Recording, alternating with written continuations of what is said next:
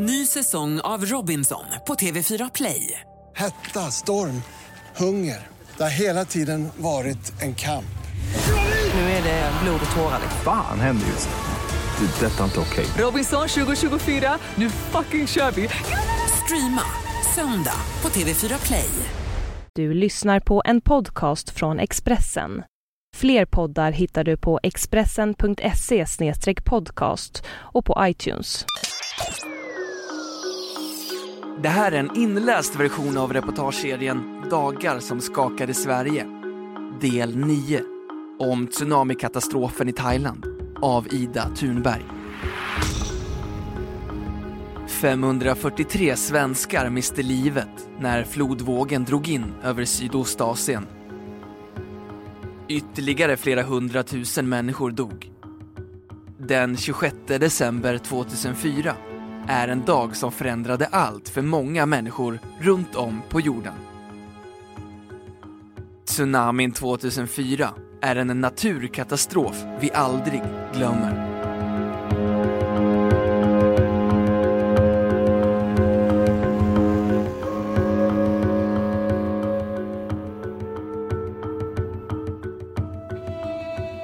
Solen har just gått upp över Kaulak. Himlen är oskyldigt blå. Malin Wessén vaknar i sin bungalow på Bandari Resort och tittar tyst mot sina barn. De sover. 17-åriga Filip på vänster sida av sängen, Emma 14 till höger och Vivi 21 lite längre bort. Hon känner en stor lycka inom sig över att få vara mamma till just dessa fina barn. En tacksamhet över den fina semester de har tillsammans. Det är bara två dagar kvar nu och de har haft fantastiska veckor ihop. Familjen Ekdal från Limhamn har också bara några dagar kvar av sin julresa till Thailand. Dagarna på Blue Village Pakarang Resort i Khao Lak har passerat i lugnt semestertempo med lek i sanden, bad i havet och paradisliv. Henry, sex år, har sagt att han gärna vill kasta ut en flaskpost i havet någon dag. Och mamma Maria har lovat att de ska göra det och leta efter skatter tillsammans. Idag, på annandag jul, ska Maria ut på ett eget dykäventyr. Hon måste gå upp redan vid sextiden på morgonen. John, åtta år, och lillebror Henry sover och hon stoppar om dem försiktigt för att inte väcka dem. Maken Kent vaknar till. Maria säger att hon älskar honom och Kent svarar att han älskar henne också. Och att hon ska vara försiktig under dykningen. Hon går tyst ut ur rummet, dricker en kopp kaffe i receptionen och en stund senare blir hon upphämtad och skjutsad till dykbåten som ska ta henne till Semilianöarna utanför Kaulak. I ett annat hotellrum i Kaulak, på Bang Niang Beach Resort, har Bob Stigson precis klivit upp. Hans Johanna säger, precis som Kent, till sin livskamrat att vara rädd om sig under dykningen. Döttrarna Kajsa, 6 år, och Klara, 3, sover fortfarande. Familjen Stigson anlände för drygt en vecka sedan och ser fram emot ett par veckor till på denna vackra plats. Den här dagen ska Bob dyka vid Similianöarna som anses vara ett av världens finaste dykvatten. Under båtresan, som tar ungefär en och en halv timme, pratar han kort med en svensk kvinna som sitter och läser en deckare. Kvinnan heter Maria Ekdahl, men det vet inte Bob. Inte då. Samma morgon är det mer folk än vanligt i frukostmatsalen på Bandari Resort i Kaulak. Malin Wessén och barnen Vivi, Filip och Emma får leta en stund efter bord när de kommer vid niotiden eftersom många nya turister har anlänt kvällen före. Efteråt går de tillbaka till sin bungalow och börjar göra sig klara för stranden. Malin hjälper barnen att smörja in sig med solkräm och 17-åringen Filip hamnar framför spegeln och börjar att fixa håret. Det tar, som vanligt, lång tid. Malin och systrarna skrattar kärvänligt åt honom och småretas som broderns fåfänga. Malin frågar om Emma vill följa med henne upp till byn som ligger en bit bort från stranden för att ut pengar. Det behövs inte. Jag har 730 baht kvar, säger Vivi. Det klarar vi oss på under lunchen. Vid halv elva tiden är Malin på väg ut genom dörren när hon plötsligt hör skriket. Det är ett skrik hon aldrig hört förut. En dödsrädsla som skär genom området. Hon tittar ut, ser solen, den klarblå himlen, poolen som ligger nära med sitt lugna turkosa vatten. Och hon hör dånet. Det fruktansvärda oljud som låter som en rusande flygplansmotor. Malins tankar snurrar. Är det krig? Allt händer på några sekunder. Helvetesväggen väller plötsligt in över Bandari Resort och Malin skriker till Emma, Filip och Vivi att springa för livet. Barnen springer först, Malin strax efter. Filip vänder sig om och tittar mot Malin, som om han vill se vart hon är. Rädda ditt eget liv Filip, ropar Malin till honom. Hela området är omgärdat av en hög stenmur och när Malin ser en thailändare framför henne klättra upp på en brunn och hoppa över muren så följer hon efter och gör samma sak. Vågen slår Malin i ryggen. Hon slungas iväg, trycks ner i det svarta vattnet och kilas fast av bråte. Hon hyperventilerar, men känner konstigt nog ingen skräck. Efteråt kommer hon att minnas varenda sekund. Hur tankarna var konstigt klara. Hur vissheten infann sig. Det är nu jag ska dö. Bilden av sig själv i en kista hemma i kyrkan i skånska Hallaröd. En sorg över att inte få träffa barnen igen, men ändå en slags fridfull visshet om att de skulle komma att klara sig utan henne. Precis innan Malin är på väg att förlora medvetandet får hon ett andetag ovanför vattenytan, innan hon trycks ner igen. All bråte trycker mot henne. Hjälplösheten griper tag. Men hon får ett andetag till över ytan och den här gången trycks hon inte ner. Och då kommer överlevnadsinstinkten. En känsla av styrka och beslutsamhet om att ta sig fram till två palmer en bit bort. Malin tar sig dit och kravlar sig upp på bråte som har samlats vid träden. Det är kusligt tyst. Hon undrar om hon är den enda som har överlevt. Malin ropar på barnen, men rösten är svag. Efter en stund börjar hon höra gråt och skrik. Först nu börjar smärtan kännas, hennes kropp är helt sönderslagen. En tysk kvinna, blödande och iklädd bara trosor, dyker upp framför Malin. De tar varandra i händerna och börjar gå, mödosamt i riktning mot byn. På Semilianöarna ser Maria att havet blir allt mer oroligt. Något händer under det ovanligt grumliga vattnet. Det ser liksom ut som att strandlinjen försvinner ner under ytan. Flera av deltagarna på dykresan reagerar på att det ser konstigt ut. Det första dyket ska ske vid halv elva-tiden, men dykledaren väljer att avbryta, precis som de andra dykbåtarna ute vid ön. Vi återvänder till Kaulak, blir beskedet. Ingen förstår vad det är som händer, men det känns olustigt. Maria och Bob sätter sig i båten igen och färden mot land börjar. På Fiffi Island har Carl Steiner, ursprungligen från Halmstad, vaknat i sin bungalow. Golvet är översvämmat av vatten och lera och det luktar starkt och konstigt. Hans första tanke är att toaletten har gått sönder. Han tar sig ut och det simmar fiskar i vattnet runt honom, trots att han bor 70 meter från stranden. Han tar med sig en fiskarkniv och en mindre fickkniv och bestämmer sig för att börja gå i riktning mot baren Carlitos, som han äger sedan 11 år tillbaka, som ligger i stranden. Karl har ingen aning om vad som har hänt. Runt omkring honom ligger omkullvälta båtar och skräp och träbitar som flyter omkring. Han tänker att det måste vara tredje världskriget. Att det har släppts en atombomb någonstans i havet och att svallvågorna har sköljt över Fifi. Men det finns inte tid att fundera. Skriken, alla skadade människor som behöver hans hjälp. Bland det första Karl gör är att sy ihop ett djupt blödande sår i en mans ben. Utan erfarenhet, men med beslutsamhet som väcks i honom, som ger honom krafter och kunskaper han inte visste att han hade. Karl går vidare för att hjälpa fler. Han hittar en vän liggande på marken, en svensk dykinstruktör som fortfarande har lite puls. Karl sätter sig in till henne och håller hennes hand när hon dör.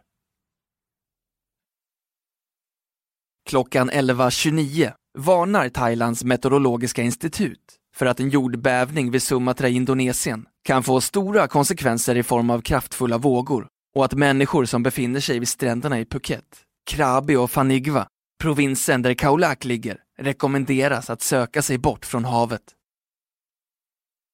Varningen kommer alldeles för sent. Malin Wessén och den tyska kvinnan kryper, kravlar och hasar sig fram genom det skövlade Kaulak. Över hustak, drunknade människor, bilar, träd och ett kaos av krossade hus, möbler och saker i drivor.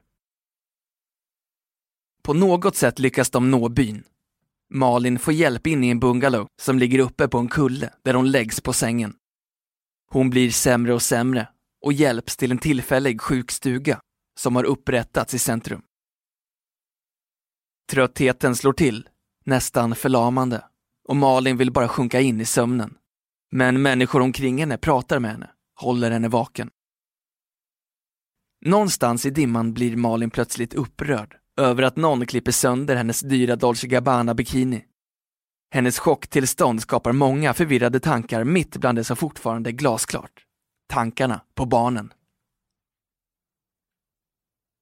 Malin har en handduk över sitt ansikte hela tiden, för att slippa se och höra.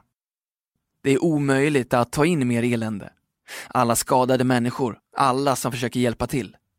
Ångesten, skriken, den djupa förtvivlan. Carl Steiner klättrar över båten för att ta sig fram längs huvudgatan på Fifi Island. Över det som har varit restauranger, kaféer och dykskolor och butiker, men som nu är sönderslaget.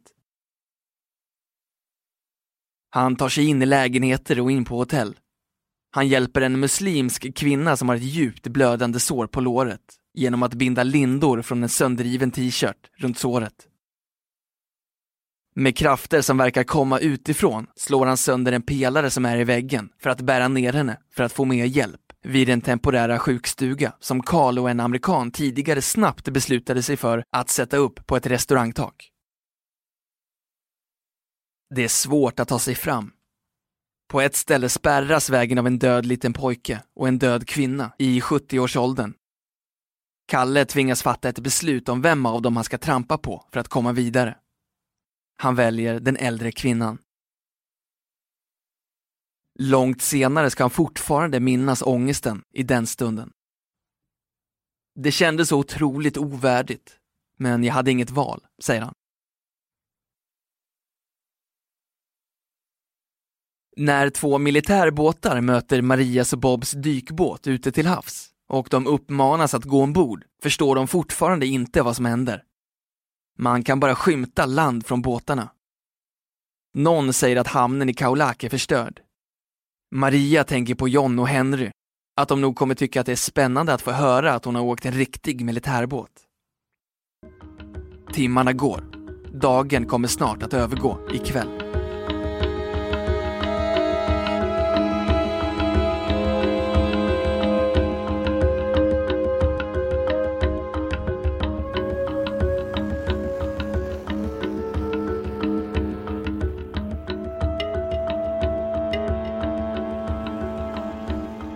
Informationen är knapphändig. Bob får till slut tag på mer information från Sverige via sin mobil. En jordbävning har ägt rum och en tsunami har brett ut sig. Men det går inte att få tag på någon personal på resebyråerna i Kaolack-området. När de slutligen får åka in till land möts de av ett kaolak som inte finns längre. Det är taxichauffören som säger det först, när Maria ber om att få bli körd till sitt hotell, Blue Village, längre bort i området. No, no, Kaulak is gone, säger han. Fortfarande är det omöjligt att förstå omfattningen. En plats kan väl inte bara vara borta? Solnedgången som varit så vacker under de glada semesterkvällarna blir nu en nästan bisarr glödande bakgrundskuliss till det slagfält av bråte som fyller stränderna. Palmerna vajar lätt i vinden. Många av de urstarka stammarna har faktiskt klarat att stå emot vågens krafter, men nästan allt annat är raserat. Kaulak är borta. På Fifi Island har Carl Steiner fortfarande ingen aning om vad som har hänt. Men han jobbar frenetiskt för att rädda liv tillsammans med en grupp människor som liksom Carl klarar av att tänka klart i katastrofen. Nu handlar det inte om utbildning, religion eller härkomst. Det här var en dag när de som fungerade hjälpte till. De andra gjorde det inte. En liten thailändska kunde ta i och hjälpa till att bära en stor skadad kar medan någon betydligt större och starkare kunde sitta och göra ingenting. Det går inte att säga före i vilken kategori man tillhör. Det finns i dig eller inte, när det väl händer, säger han. Han ser enormt många döda människor den här dagen. En bild har fastnat mer än de andra. Kvinnan i 25-årsåldern, i bikini, som ligger på marken. Karl tänker att det ser ut som hon ligger och solar men hon är död. En helikopter landar på eftermiddagen. Karl bär dit en svårt skadad norrman som flygs iväg. När mörkret faller blir det svårare att göra något på ön. Att ta sig fram är i princip omöjligt. Han tar sig i riktning mot berget där många överlevare har samlats. Karl säger till en thailändsk vän att det känns svårt att andas den här kvällen. Det är inte så konstigt, menar thailändaren. Det är så många själar här ikväll. Själar på väg bort från jordelivet, säger hans vän. Karl lägger sig ner för att vila en stund. När någon skriker att en ny våg är på väg springer han inte upp för berget, som de flesta andra gjorde. Jag kände att jag inte skulle kunna leva med mig själv om jag sprang bort från alla som behövde hjälpen här nere. Jag bestämde mig för att stanna kvar där jag var. Och på något sätt kändes det som att det hade varit okej okay att dö den natten.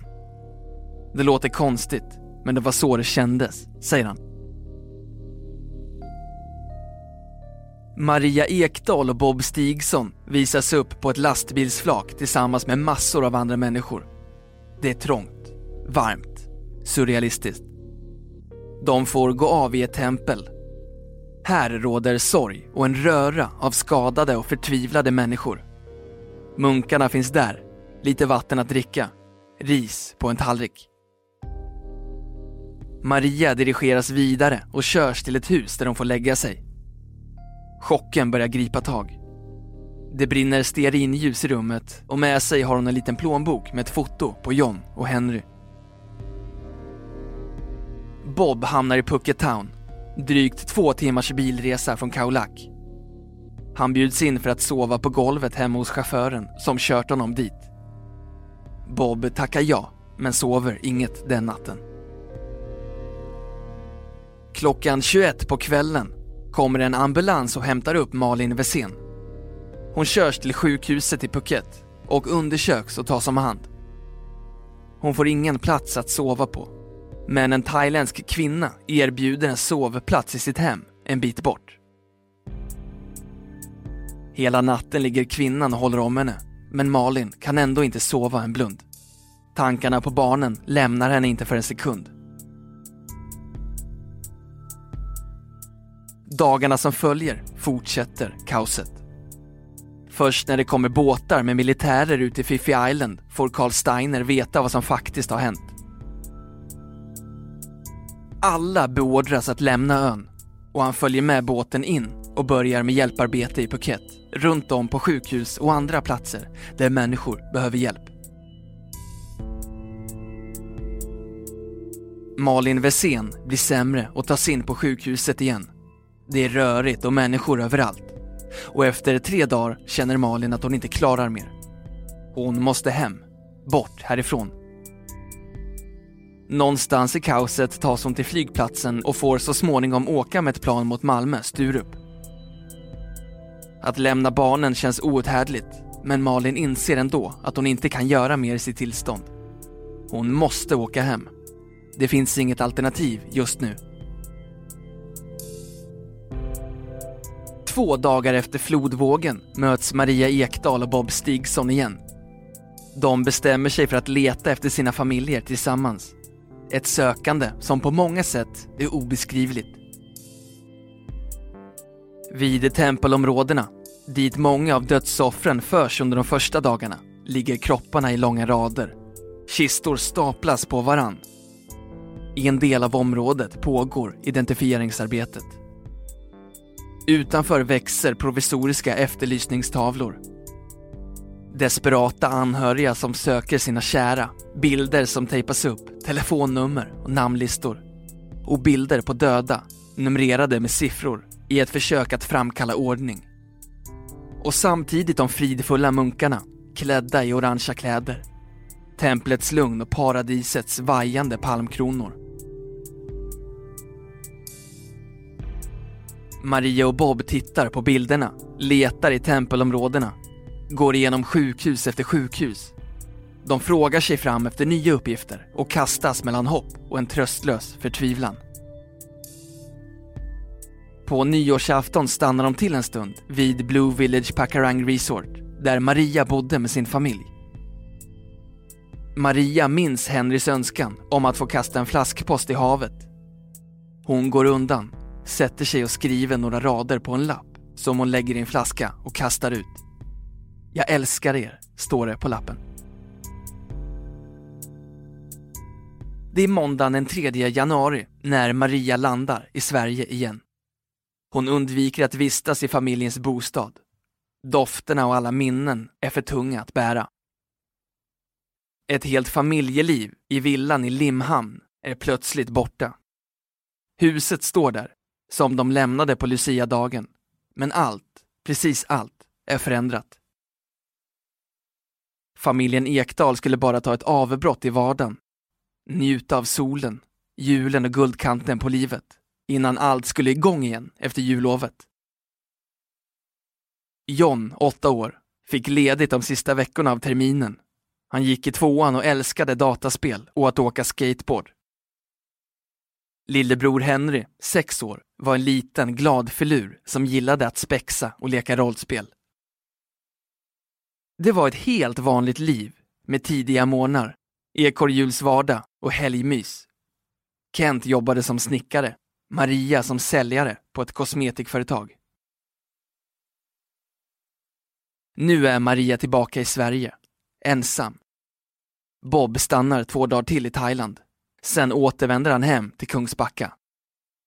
I villan finns de rosa flickrum som vid en första anblick tycks sjuda av liv, fyllda av gosedjur och leksaker. Men Kajsa och Klara, de som var i livet här inne, fanns inte här. Och inte heller Johanna, hon som skulle läsa de där böckerna som ännu ligger på köksbordet. Det är fruktansvärt tomt.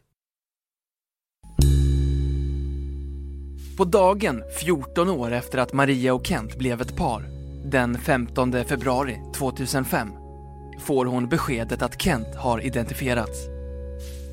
Även Johanna har identifierats. Maria och Bob reser till Thailand tillsammans för att kremera sina kära. De har med sig urnor på sin resa. Även barnen identifieras under vårvintern. Maria tar farväl av sina barn på en äng vid havet nära Phukets flygplats.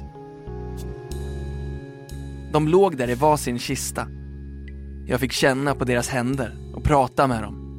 Det kändes värdigt och det var så lugnt och stilla, säger hon. Även Bob får se sina flickor. Att få se och känna på deras händer kändes viktigt. Allt var ju så overkligt, säger han.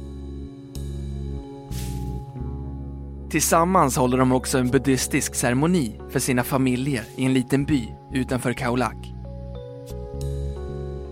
Den första tiden hemma är som ett töcken för Malin Wessén. Även om hoppet inte lämnar henne helt så blir det mindre för varje dag. Jag funderade allvarligt på att ta mitt liv. Jag vet att ingen hade tyckt att det var fegt eller underligt. Alla skulle förstå varför. Ingen kan leva med förlusten av tre barn. Men Malins två barn som inte var med till Thailand, Julia 7 och Sebastian 22, blir hennes livlinor. Tillsammans med Emmas, Philips och Vivis bästa vänner som sluter upp och blir ett stort stöd. På något sätt passerar dagarna. I februari återvänder Malin till Thailand. Det blir en ångestfylld resa. Men i resten av bråten på Pandari Resort i Khao Lak hittar hon Vivis dagbok, fullt läsbar, och några av barnens kläder och andra tillhörigheter. Hon reser hem igen utan någon information om barnen.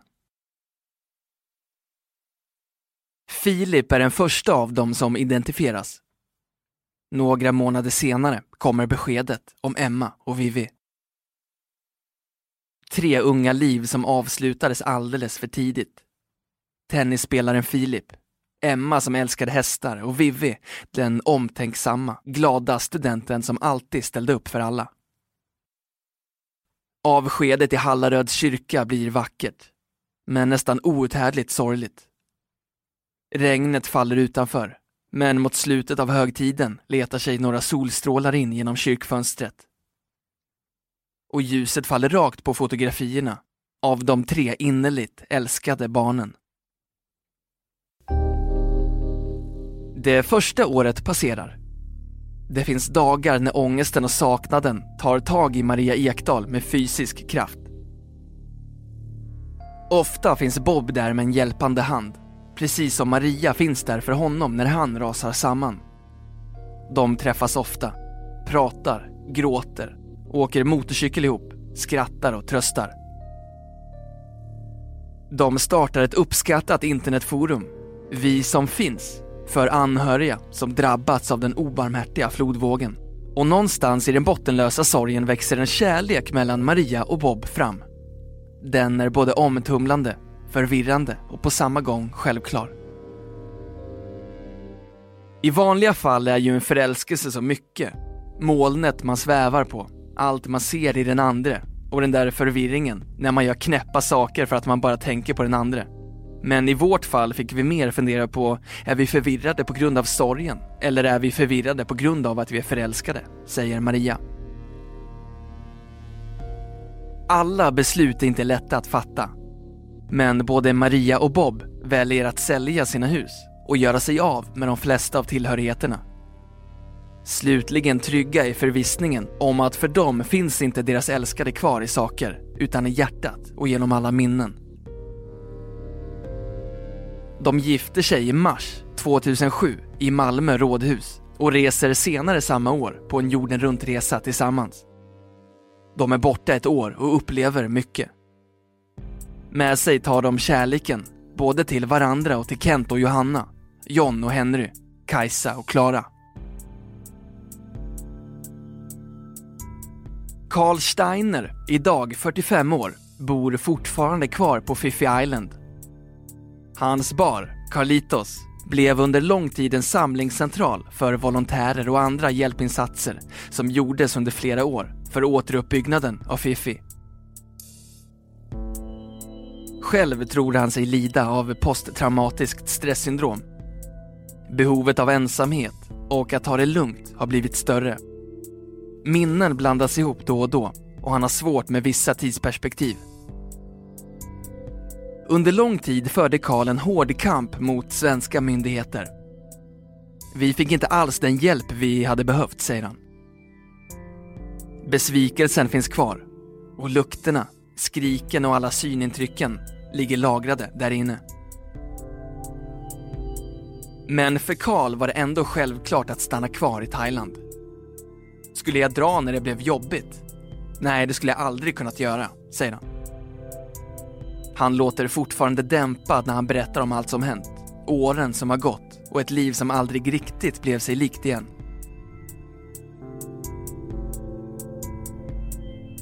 Maria och Bob Stigson, idag 50 och 45 år, är tillbaka i vardagen i Malmö. De bor i en lägenhet mitt i stan, jobbar och har ett bra liv tillsammans. Under den här resan har jag fått en ny identitet. Jag är inte samma Maria som stod på stranden i Kaulak och kastade min flaskpost i havet. Jag tappade min identitet som mor och hustru och har fått hitta ett nytt jag, säger Maria. Bob säger att det har varit en konst att lära sig leva i nuet. Det är lätt att säga att man ska göra det, men att ta tillvara på det som sker här och nu är inte alltid så lätt. Att fly verkligheten är däremot ganska enkelt. Utmaningen har varit att landa i vardagen och nu trivs vi här, säger han. Att de aldrig kommer att få se sina barn växa upp, sjunga Den blomstertid nu kommer på skolavslutningarna, att ta studenten, få barn, är förstås en livslång sorg som alltid finns där. Och ännu griper sorgen ibland ett stenhårt tag om hjärtat. Under flera år sa Maria att hon längtade till den dagen hon kunde skratta med ögonen igen. Det kan jag idag. Jag kan skratta, känna glädje och lycka. Vi vågade älska igen. Vi vågade vara öppna mot varandra och andra människor omkring oss. Jag tror att det är jätteviktigt i sorgen att våga möta vardagen och livet igen med allt vad det innebär, säger hon. Det är en solig, somrig dag i Eslöv. Malin Wessén, 51, beställer in en sallad på ett café och berättar om det nya livet. För det är inte samma liv, utan ett liv före och ett efter tsunamin. Jag har varit tvungen att lära mig leva ett liv jag inte har valt och inte vill ha. För mig är det som två liv, mitt gamla och mitt nya. Det är inte samma liv. Jag har alltid en fot i det gamla. Jag kan inte fly från min saknad, min sorg och min längtan efter mina barn. Malin säger att hon kom till ett vägskäl i sin sorg, där valet var livet eller att gå in i sig själv och stanna där. Livet var den svåra vägen, men jag valde den. Men sorgearbetet tar aldrig slut, säger Malin. Jag samtalar med Emma, Filip och Vivi i mina tankar och vet att de är med mig. Självklart önskar jag inget annat än att ha dem hos mig i livet. Men nu är det inte så. Så det är viktigt för mig att de inte får glömmas bort. Inte försvinna. Jag pratar ofta om barnen. Och det vill jag även att omgivningen ska göra. Jag vet att det finns något mer än vårt fysiska liv. Det är en stor tröst för mig att veta att vi kommer ses igen, säger hon. I hemmet i Hallaröd finns en härlig vägg fylld av foton på barnen. Många av deras saker finns kvar och det är så Malin vill att det ska vara. Dottern Julia, idag 15 år, bor i Emmas rum och har precis som sin stora syster hästar som sitt stora intresse. Till jul har det gått nio år. Malin säger att hon försöker njuta av det vackra i livet, mycket mer idag än förr. Jag kan stå en lång stund och titta på en fjäril och se när den flyger iväg. Och jag kan stanna upp och lyssna på fågelkvittret, säger hon. Hon unnar sig saker. Vill hon resa så gör hon det. Vill hon göra något annat så gör hon det. Att ägna sig åt meningsfulla saker känns viktigt. Malin stöder Världsnaturfonden och är fadder åt en bergsgorilla. Och på samma sätt har det blivit mer självklart än tidigare att säga nej till det som inte känns viktigt och till människor som bara tar energi utan att ge. Jag tror faktiskt aldrig att jag kommer förstå vidden av vad som har hänt. Då går jag nog under. Men jag har på något sätt kommit till en acceptans. Även om jag förstås undrar ofta varför just jag överlevde och inte mina barn. Något annat jag tänker på ofta är hur mycket Emma, Filip och Vivi älskade varann. De hörde liksom ihop. Sammansvetsade, i vått och torrt. På något fruktansvärt sätt förstår jag att de var tvungna att lämna livet tillsammans. Inte bara en eller två, utan alla tre tillsammans, säger hon.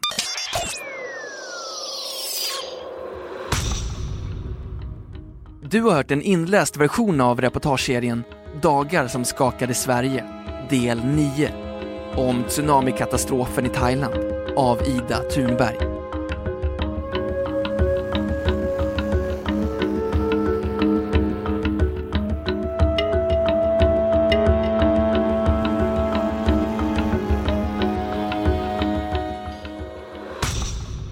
Du har lyssnat på en podcast från Expressen.